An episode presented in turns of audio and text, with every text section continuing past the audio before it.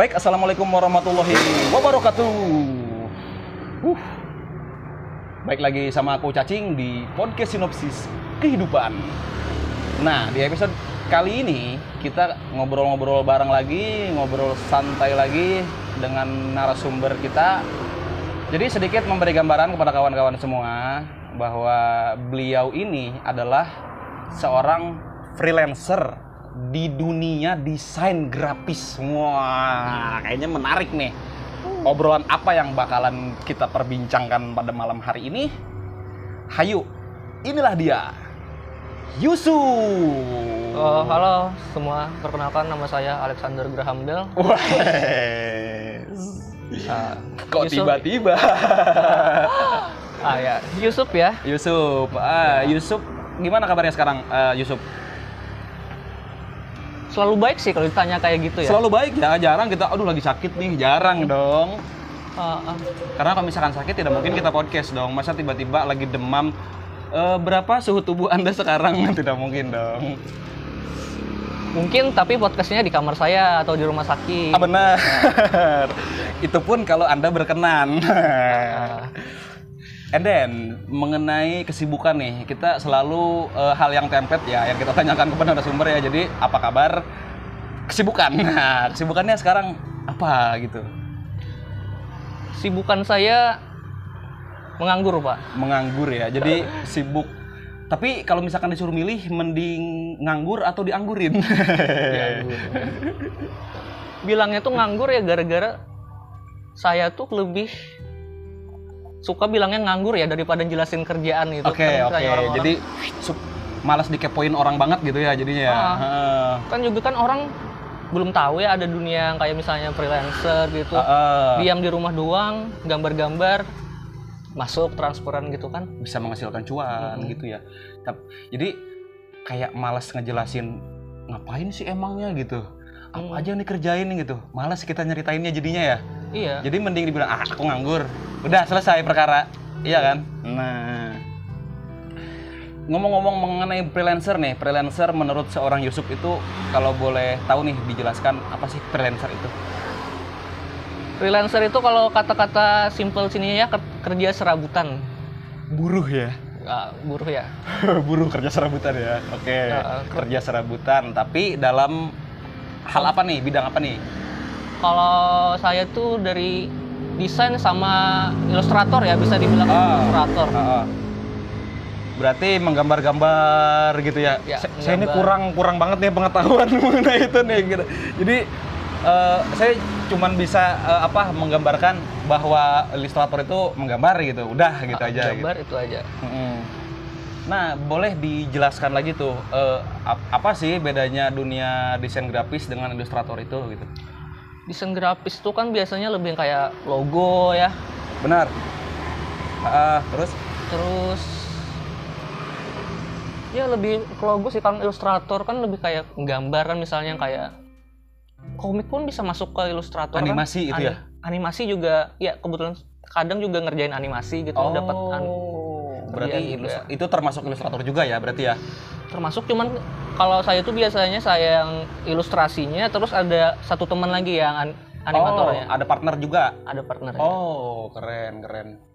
Berarti kalau misalkan dapat project eh, dikerjain bareng-bareng gitu. kerjain bareng ya Oh, tidak melulu sendirian gitu ya. Ada kita kadang kolaborasi gitu ya dengan kawan-kawan gitu. betul sekali Nah, se, se- menurut pendapat seorang Yusuf nih, Hmm.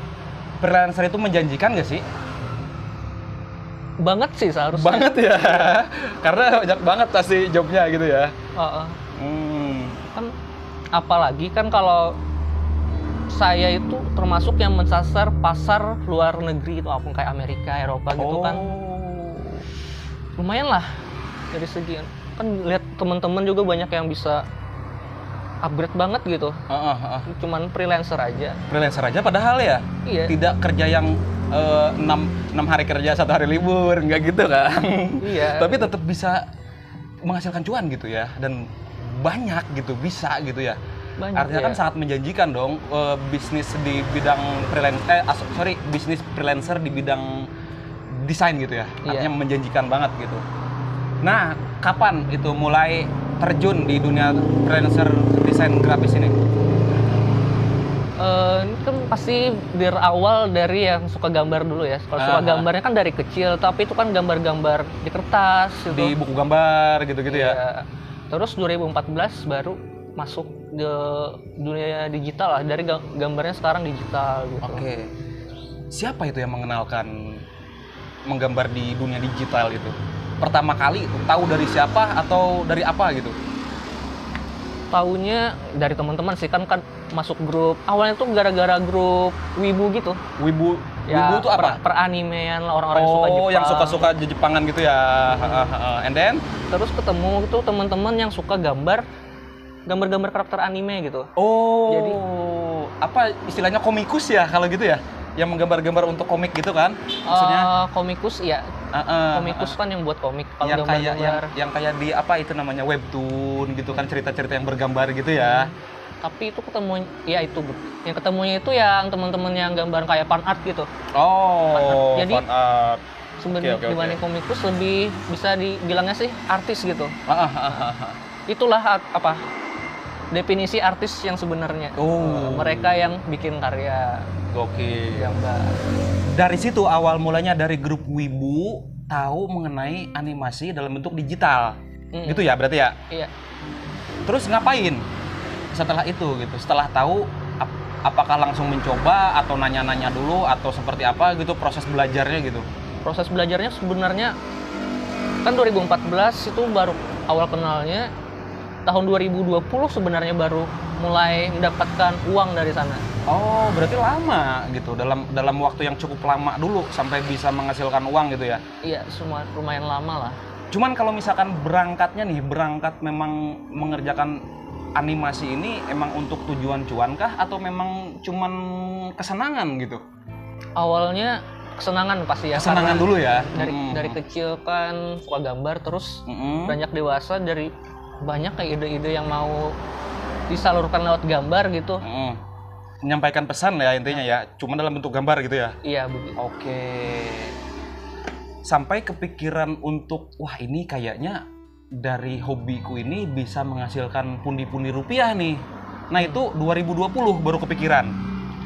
eh Yap, kalau dari segi gambar ini kan sebelumnya saya tuh pengen dapat uang dari segi Mhm. gambar tapi dalam webtoon gitu. Oke. Jadi apa istilahnya tuh jadi kontributor sih atau apa sih namanya tuh? Eh, yang jadi yang buat yang kita kan bikin karya ditaruh di di webtoon gitu ya. Iya. Ha-ha. dari ko- komikus itu sendiri sih. Oh, iya iya iya iya iya Tapi menarik. karena terlalu berat kan harus bikin cerita dan harus konsisten juga kan ya tiap Dan itu kayak model series ya? Iya, di webtoon kan? Terlalu berat jadi coba yang lebih itu dulu ya lah. Freelancer itu tadi. Oke, jadi kalau misal eh, sorry, kalau misalkan freelancer itu berarti kalau misalkan ada orang lain yang minta eh, jasa gambar baru dikerjakan gitu ya otomatis ya. Iya, itu Ah. pun kalau kita mau ambil atau enggak juga ya. Jadi kita tuh lebih bebas gitu mau itulah Tidak terikat. ter- tidak terikat ya bisa Ah. kerja kapan pun, bisa ambil libur kapan pun juga itulah untungnya freelancer sih ya. Oh. Enaknya tuh. Berarti mulai di dunia digital ini di tahun 2020. Iya. Nah, itu project apa tuh yang pertama dikerjakan? Proyek ya bikin gambar biasa aja, Bang. Mm.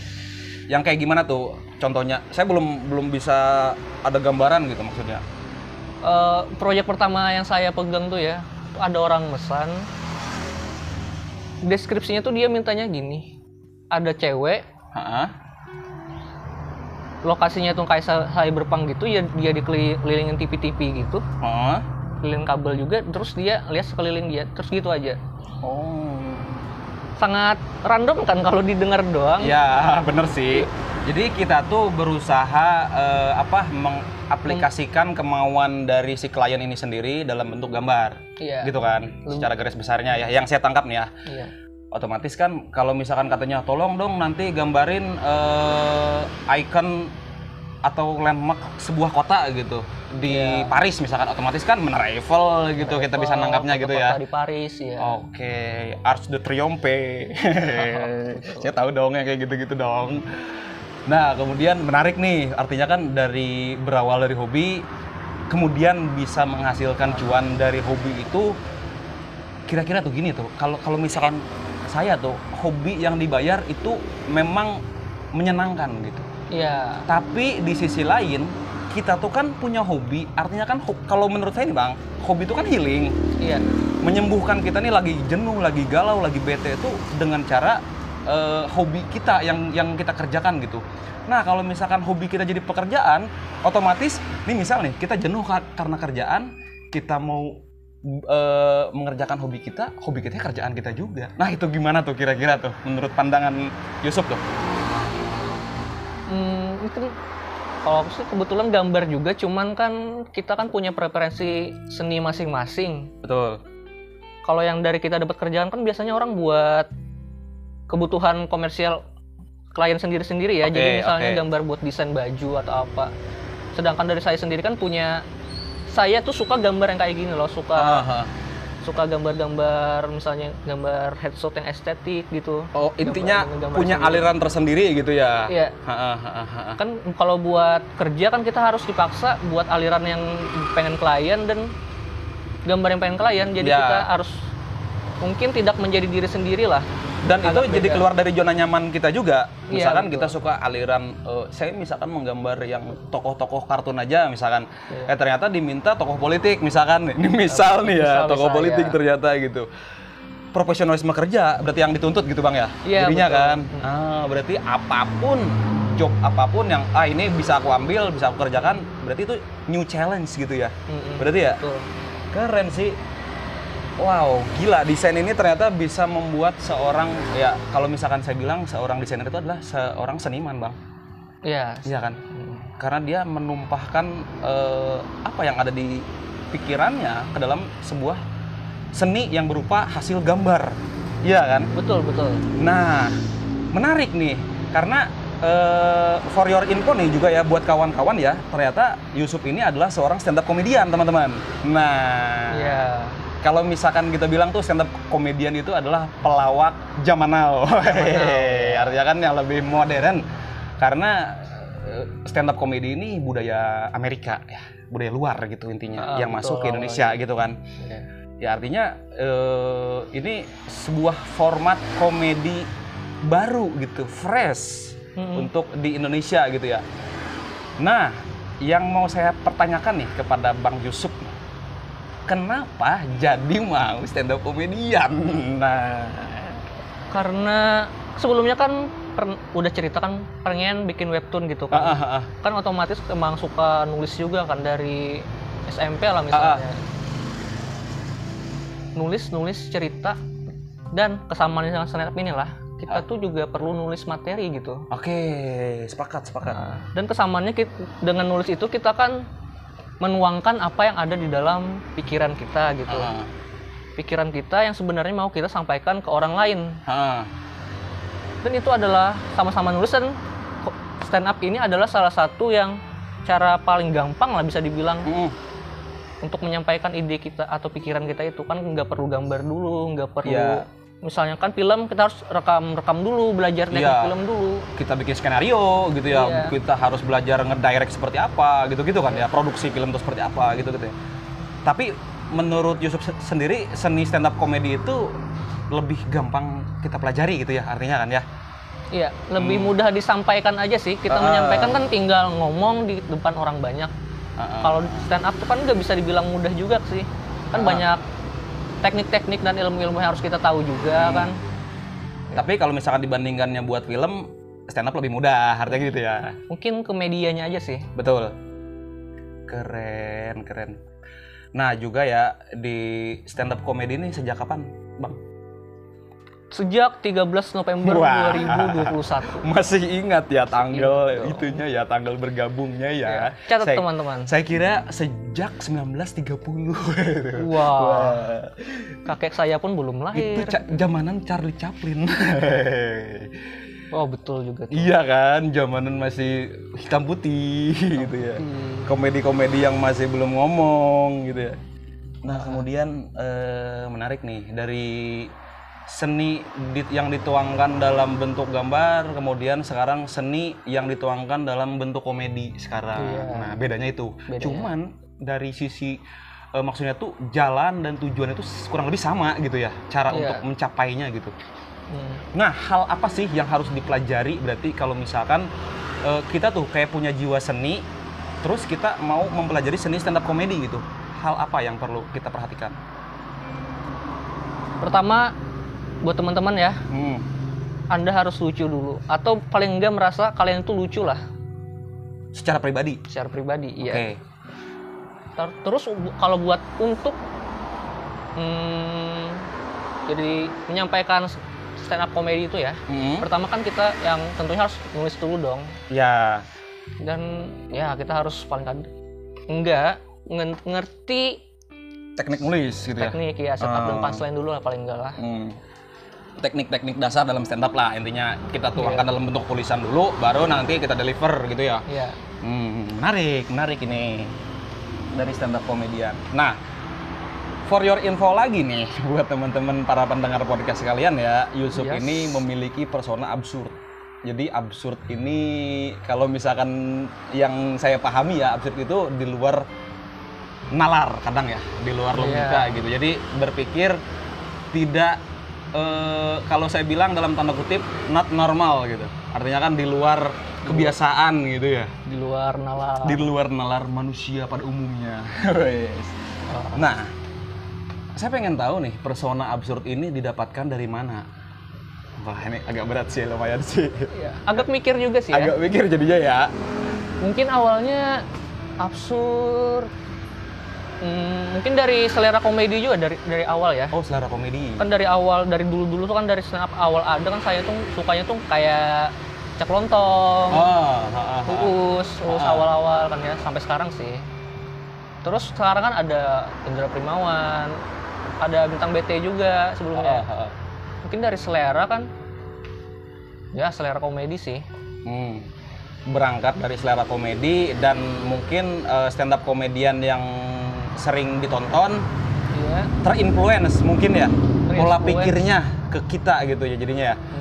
Jadi dari situlah mungkin awal mulanya tercetus ide kayaknya persona aku ini absurd deh. Nah, Iya. dari situ mungkin ya. Iya. Nah, pola pikir absurd tuh maksud aku nih eh, kan gini, tidak semua orang suka format komedi yang absurd. Iya. Kan format komedi itu ada yang memang kalau yang sekarang lagi rame kan dark jokes, Iya. ada blue jokes, ada toilet jokes, kemudian ada jok motor. Oh, banyak lah pokoknya jok-jok sekarang nih jok bapak-bapak yang receh banyak, Pak. Oh, berseliweran di Instagram. Nah, dari eh, maksud maksud aku tuh dari semua rata-rata nih ya yang suka komedi itu rata-rata komedi-komedi yang bukan absurd gitu maksudnya. Hmm. Nah, gimana tuh kira-kira menyikapinya gitu? Intinya membawakan materi absurd ke orang-orang yang sebenarnya banyak yang nggak suka Nggak suka komedi absurd, ya. Ah. Gimana tuh mengatasinya tuh? Hmm, kalau saya sih kayaknya punya ukuran sendiri gitu ya. Kan kata ini radiatik radiadik Raditya Dika. Wah, Kok Anda komedi banget. belibet? Ini kenapa? Raditya Dika. Heeh. Dia ini ngutip dari orang lain juga ya, dari Ah, ah. komika luar negeri juga ya. Siapa tuh kalau tahu? Lupa Pak. Lupa Pak. Co- Nantilah diingat-ingat lah. Iya. Katanya punchline itu kayak jurang gitu Pak. Oh, oke. kalau kedeketan jurang jarak dua jurangnya itu orang ini biasa aja liatnya kayak loncat biasa aja gitu. Oh, benar, benar, benar. Tapi kalau kejauhan jurangnya itu kelebaran, kalau kita loncat kita jatuh juga pak. Jatuh ke jurang. Iya. Jadi berartinya kalau punchline ini terlalu biasa kan orang nggak ketawa. Ya, Tapi kalau nggak terlalu absurd orang nggak ngerti juga. ya kayak aneh jatuhnya Iya. gitu ya. Mm-mm. Kalau saya boleh menganalogikan nih bang, eh, absurd itu maksudnya tuh punchline-nya itu diibaratkan kayak karet gelang, tahu kan karet Oh, gelang? iya, betul. Kalau misalkan kita kita tarik biasa aja gitu, dia Hmm. Biasa aja, nggak melar gitu. Tapi Iya. kalau misalkan kita tarik banget punchline-nya itu putus. Putus, gitu. iya. Nah jadi kan itu analoginya. Mm. Artinya punchline itu gimana kita naruhnya di tengah-tengah gitu. Iya. kalau misalkan kita lempar punchline-nya itu nggak kedekatan, nggak kejauhan. Kalau misalkan kejauhan kita jatuh, nggak kejauhan kita di situ aja. Nah, Nah, gitu iya. berarti ya. Keren sih filosofinya. Gokil. Tapi eh, absurd itu gitu. Kalau kalau misalkan sekarang gitu ya. Iya. eh, apakah eh, banyak gitu peminatnya dalam komedi absurd ini? Menurut abang sendiri nih. Atau seperti apa? Karena kan banyak juga tuh komika yang bermunculan dengan eh, person absurd. Kayak yang abang bilang tadi Indra Primawan Cak Lontong Maija macam-macam lah. Gimana Eh, kayak yang kita tahu juga ya, Hmm. kayak misalnya absurd ini kan segmented banget ya. segmented betul Gak semua orang suka gitu. Bahkan kan kebanyakan orang kalau dengar yang absurd itu apa sih, apa sih gitu. pasti ah, bener yang kayak apaan sih nih orang nih gitu Hmm. Tapi kan kalau ketemu juga misalnya kan ada yang suka banget juga nantinya. Ah, bener. Ada yang memang selera komedinya di situ gitu ya, di absurd itu gitu. Ah, ah. Atau paling enggak ngerti lah. Hmm. Kan perlu mikir mungkin berapa detik gitu baru Iya. ketawa. Harus memahami betul-betul dulu gitu, setupnya bener-bener ditelaah gitu. Sepersekian detik lah untuk mikirkan, oh ternyata ini patah banget gitu. Iya. Jadinya. Kan- Nah, kemudian em, susah nggak sih menerapkan komedi absurd gitu? eh rada-rada susah tapi nggak bisa dibilang susah juga sih Ya. kan kan kalau saya tuh cara ngakalinnya kan ya Mm-mm. kan ibarat kayak jurang tadi kan absurd tadi jurangnya lebar tuh Ah. kalau buat saya kan cara kita kan ngakalinnya paling pakai tongkat gitu bisa kita Ya. bisa lompat le- lebih jauh Lebih gitu jauh, benar benar benar benar benar. Jadi ada perantara gitu ya. ada perantara ya Untuk kita bisa nyampe ke seberang atau supaya nggak jatuh ke jurang minimal gitu Iya. kan. jadi kalau nulis me- materi absurd tuh saya tuh biasanya mik- mikirin atau bikin sesuatu setup tuh yang bantu penonton penonton atau pendengar itu bisa sampai gitu ke situnya jadi Mhm. setupnya agak atau penonton ini punya referensi dulu lah apa yang mau kita omongin Oke, benar benar sih. Paling tidak eh, penonton tuh paling tidak sudah eh, mengetahui absurd itu seperti apa gitu ya. iya Jadi tidak kaget ketika kita ngelempar punchline absurd, oh ternyata memang ada format komedi yang seperti ini loh gitu. Nah kemudian sekarang kita tarik mundur jauh, kita flashback ke belakang, wih ke Wow. zaman batu, zaman ya nah, es, ke zaman es mencair, zaman dinosaurus punah. Kita tarik mundur ke zaman masa-masa kecil Yusuf. Nah, iya. Yusuf itu kalau pas lagi kecil nih, entah itu TK, SD, zigot, enggak dong.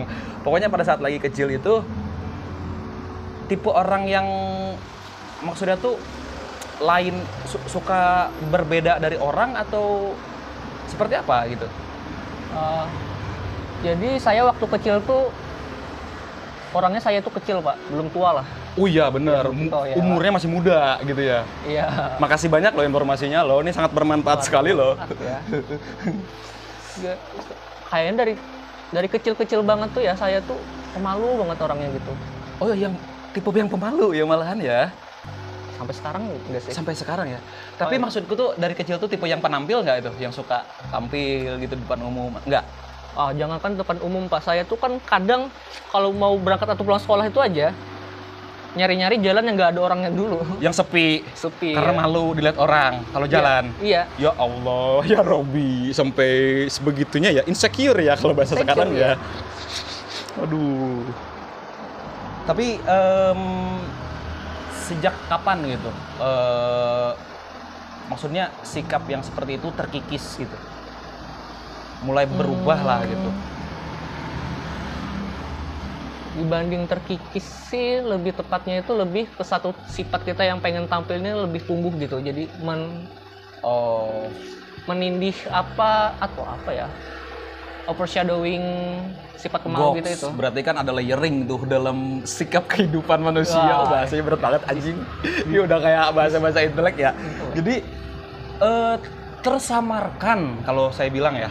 Tersamarkan sikap kita yang eh, mungkin dulu pemalu, insecure, mungkin sekarang bukannya terkikis atau hilang tapi tersamarkan dengan kita yang mau jadi seorang penampil gitu. Otomatis kan dunia stand up comedy ini harus bisa jadi penampil. Gitu Iya, kan? Entah eh, itu tuntutan hobi, tuntutan profesi maupun tuntutan apa pun memang mau eh, tantangan baru ya begitu caranya gitu. Iya. Kalau kita hilangkan sikap kita nggak bisa, ya kita tutupi saja gitu Mm. dengan layer itu. Wih, gokil ya, kayak bahasa desain ya saya ya. Desain, Jadi ya bahasa layering, Layering. nanti ada layer mask, nanti ada convert to smart object gitu-gitu pokoknya. Parah gokil. Overlay ya. Overlay. Overlay. Aduh, ngeri ngeri ngeri ngeri. Makin bingung pendengar ini. Tapi kalau misalkan hidup kita tidak berwarna, kita coba pakai RGB. red, red, green, blue. Aduh, gokil gokil. Seru deh ngobrol sama Yusuf nih, orang yang aduh gila. Maksudnya tuh yang kayaknya aku belum pernah menemukan orang yang yang maks- maksudnya eh, mindsetnya seperti Yusuf gitu, yang yang punya pola pikir absurd, yang dulunya insecure sekarang bisa mungkin melawan keinsecurean itu sendiri gitu. Ya. Jadi kayak orang yang bisa melawan sikap sendiri gitu. Wih keren sih kalau misalkan orang-orang seperti Yusuf nih eh, terlahir di mana-mana. Menjamur seperti jamur bak hujan di sore hari. Gokil deh. Kemudian mengenai keabsurdan itu sendiri didapatkan pada saat kapan? Tumbuhnya kapan gitu.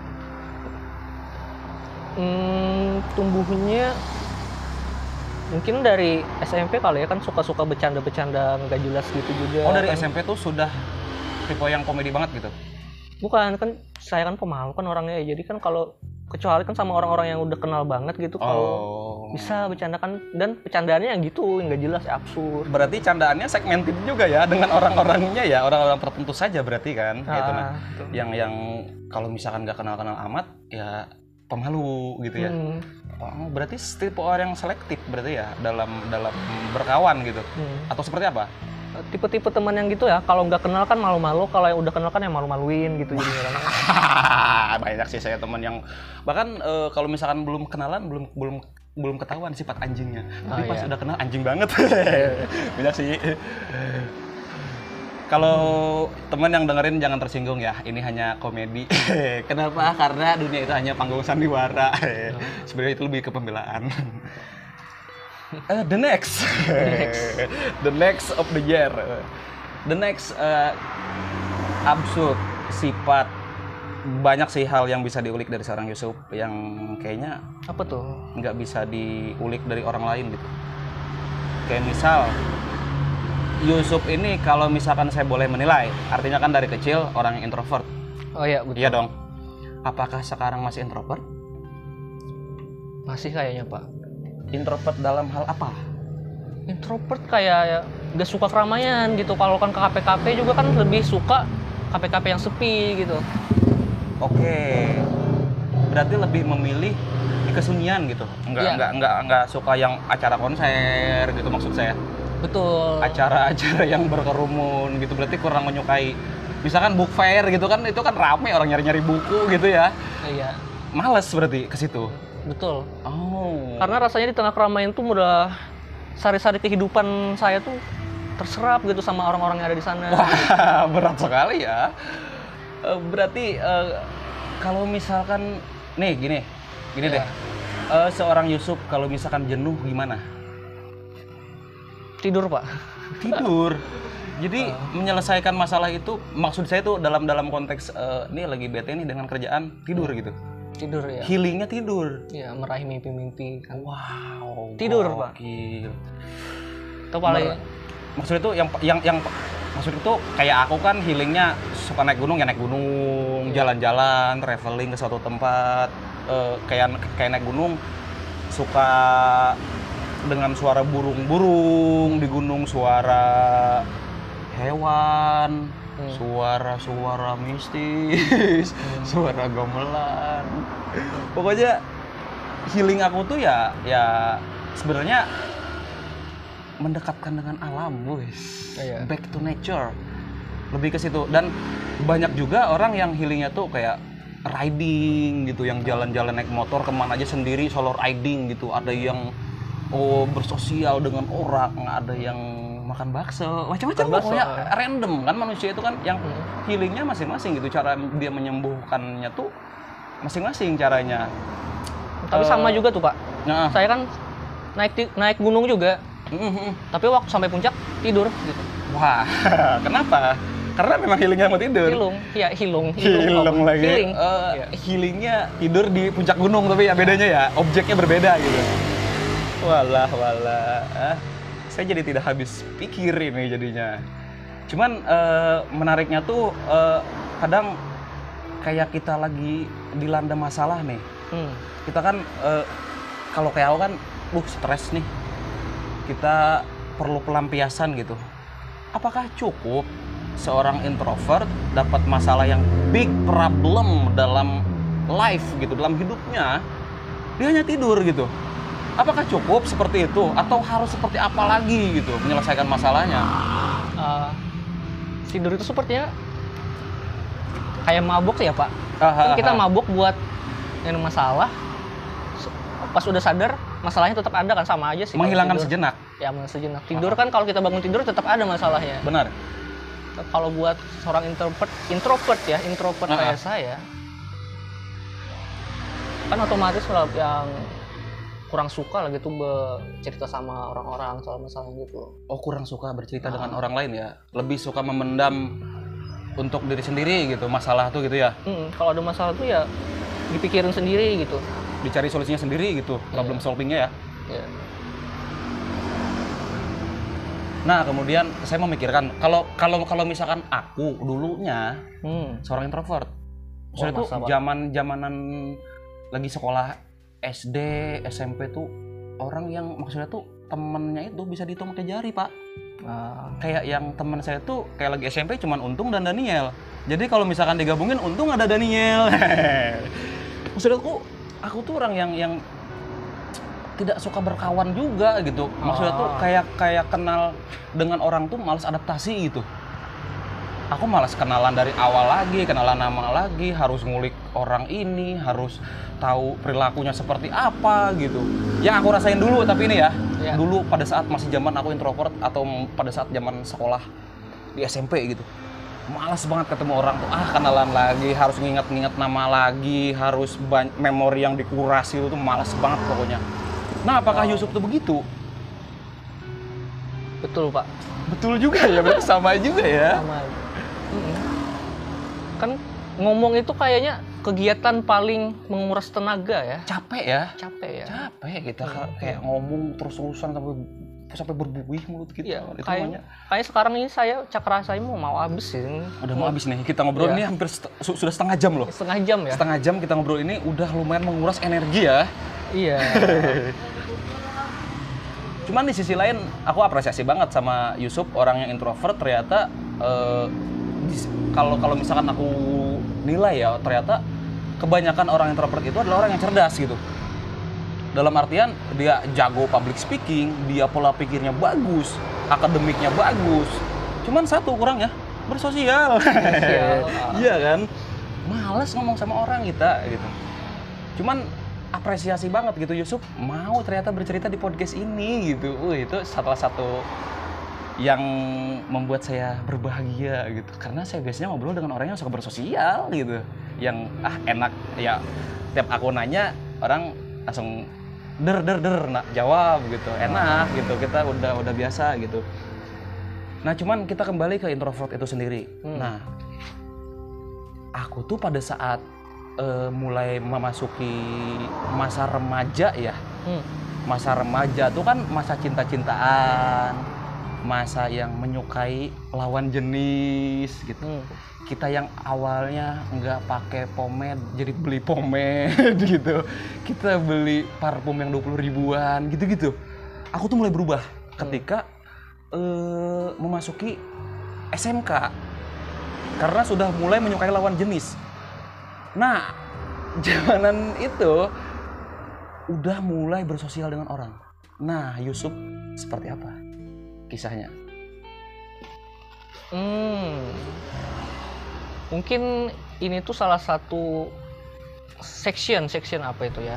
Bagian kehidupan yang kalau saya tuh masih belum bisa grow up gitu. Oh, Masih Oke. tetap hmm, di tempat yang sama-sama aja gitu. Mungkin karena ada beberapa misalnya entah ini bisa dibilang trauma atau apa gitu yang membuat bikin mindset yang gak suka sama orang banyak itu masih belum bisa berubah gitu. boleh nggak kalau misalkan aku menilainya tuh kayak seorang Yu- Yusuf ini dalam perilaku, dalam kehidupannya Hmm? itu tumbuh, grow up, tapi tumbuhnya kerdil gitu. Ibunya kerdil ya? Iya. Tapi tetap tumbuh gitu. Kan kerdil itu tidak mati gitu. Dia tetap Oh, betul, hidup. betul. Dia tetap hidup, tapi dia tidak tidak besar jadi pohon cemara gitu, nggak jadi pohon beringin. Maksudnya tuh dia tumbuh tapi gitu aja gitu Gitu maksud aku. aja. Tapi yang perlu kalian tahu, bonsai tahu kan bonsai, Bang? Tahu tahu itu kan bonsai itu kan kerdil, tanaman yang dikerdilkan sengaja dikerdilkan, tapi punya estetika. wah Gokil gak saya ngambil analoginya bang? Gokil? Ini Gokil. mikir nih gara-gara minum kopi dan ngerokok. Kalau abang tahu. Jadi filosofi hidupnya tuh menarik gitu. Orang yang kerdil ini ternyata pola pikirnya jauh lebih maju. Maybe dari saya gitu, dari aku pribadi, aku ngerasanya kayak kayak aku tuh jauh ketinggalan loh dari se- seorang Yu- Yusuf itu yang yang pola pikirnya jauh selangkah lebih maju dari aku. Tapi di sisi lainnya aku pun punya kelebihan mungkin di sini. Karena setiap orang itu pasti punya ability-nya sendiri gitu. Iya betul. Kayak aku mungkin ya lebih jago ngomong kayak sekarang. Kenapa? Karena aku udah kayak Beo bang. Aku tuh kayak Beo ngomong terus. Oh. Disuruh orang ngomong assalamualaikum assalamualaikum. Saya bisa gitu. Jadi Ah, terlatih. Gitu. karena dilatih karena sering jadi saya jagonya mungkin ability-nya di sini. Mungkin sepenilaian saya. Tapi mungkin Yusuf ability-nya di lain mungkin yang diceritakan tadi kita tarik ke awal tadi Yusuf ini ability-nya ternyata di dunia seni. Nah ya betul betul. the big conclusion untuk hari ini kalau aku boleh menyimpulkan nih bang ya. Hmm. don't judge people by baik. cover. Ah. Soalnya kalau by isi susah kita menyelaminya. Kita harus nyelam dulu ke dalam. Kita harus deep talk dulu dengan orang tersebut. Cuman kita kalau misalkan lihat tampilan orang anjir nih orang ini aneh dari orang lain. Tidak pada tempatnya gitu. Don't judge by cover.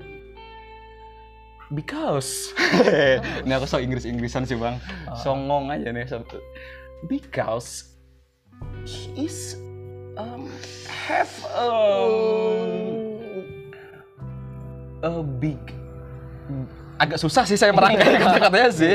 Because he is have a big uh, kayak imagination. Ah ya the big um, what's the meaning of uh, mimpi? Mimpi? Ah ya kayak gunung es dreams. Dreams dreams ya kayak gunung es gitu ya yang semua orang tuh punya big dreams. Ya Aku yakin dan semua orang itu punya eh, target masing-masing, punya pencapaian masing-masing dan punya ability masing-masing.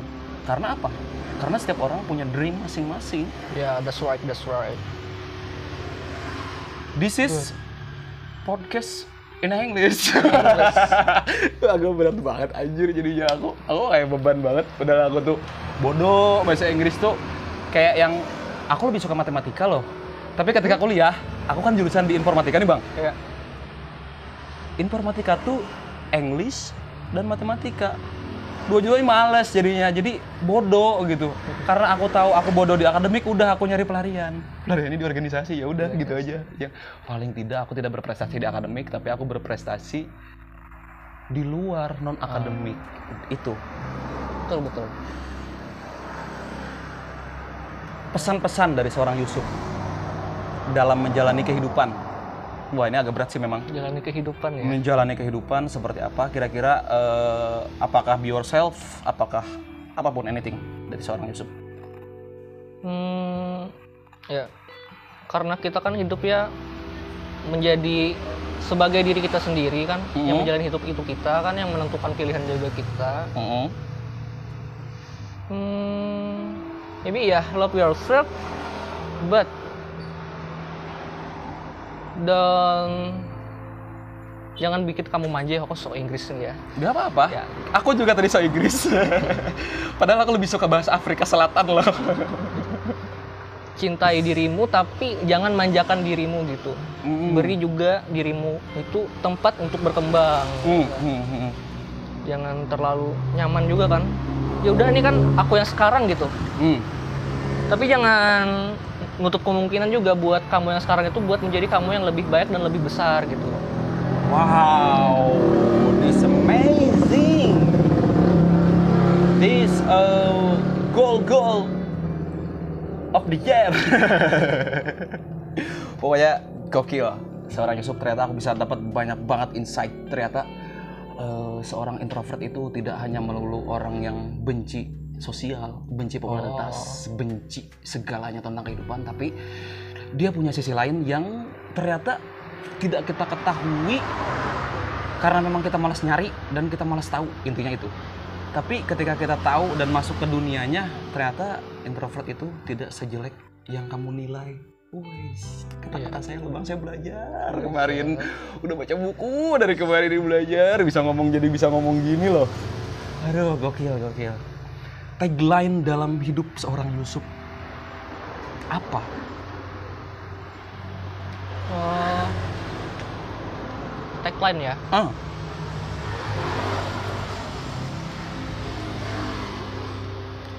I'm not trying to be special. I'm not trying to show that I'm different, but just it's me being myself. goks, that's good. Good job. Good ya. Good, And uh, good girl. Enggak dong, enggak. Aduh, kacau, kacau dia. Aduh, gila banget bawa Yusuf deh. Anjing, anjing. Aduh, hai. Aduh. Aduh. Closing statement dari seorang Yusuf for everybody, for anyone, anything, anytime, anywhere, and any question. Silakan, saudaraku. Closing statement ya. Oh. Tidur secukupnya. Waduh, artinya? Sleep enough. Wah, itu cuma di Inggris kan. Kalau bahasa Italianya, Waduh. sleepingo in Italiano Italiano. the dreamo. Primo. Gokil, terima kasih banyak buat Yusuf yang udah menyempatkan waktunya dan udah mampir di podcast Sinopsis Kehidupan. Harapannya sih buat Yusuf jangan sampai jera untuk bercerita-cerita kembali di podcast dengan episode yang lain, dengan cerita yang lain, mungkin dengan cerita yang lebih asik, dengan cerita yang lebih menarik, dengan cerita yang lebih menggelitik. Wah. Ah, Insya Allah next time kita bakal jumpa lagi, kita bakal ngobrol-ngobrol lagi. Sekali lagi aku ucapkan terima kasih banyak buat Bang Yusuf. ya, thank you udah juga, Pak. mampir. Ya. Big thanks, big appreciate, big problem. Ini ngelawak mulu dah dari tadi dah kacau banget, dah hancur hancur. Oke, serius saya sekarang. Hmm. Ini cacing, ini cacing story. Sorry, aku harus suara dewasa nih bang. Oh ya siap, Pak. Karena ini eh, maksudnya serius. Iya. Ini cacing story, ini podcast sinopsis kehidupan. Semua itu berawal dari keresahan dan secangkir kopi yang dipadukan. Terima kasih banyak buat teman-teman yang udah setia banget mantengin podcast sinopsis kehidupan. Inilah cerita kami, inilah cerita Yusuf, introvert yang bertanggung jawab atas hidupnya. Salah hilapnya mohon maaf, saya cacing. Wabillahi topik wal hidayah. Summa assalamualaikum warahmatullahi wabarakatuh. Saya cacing, pamit undur diri. Bye. Oh. I see you again. It's been a long day without you, my friend. And, I'll tell you about them when I see you again.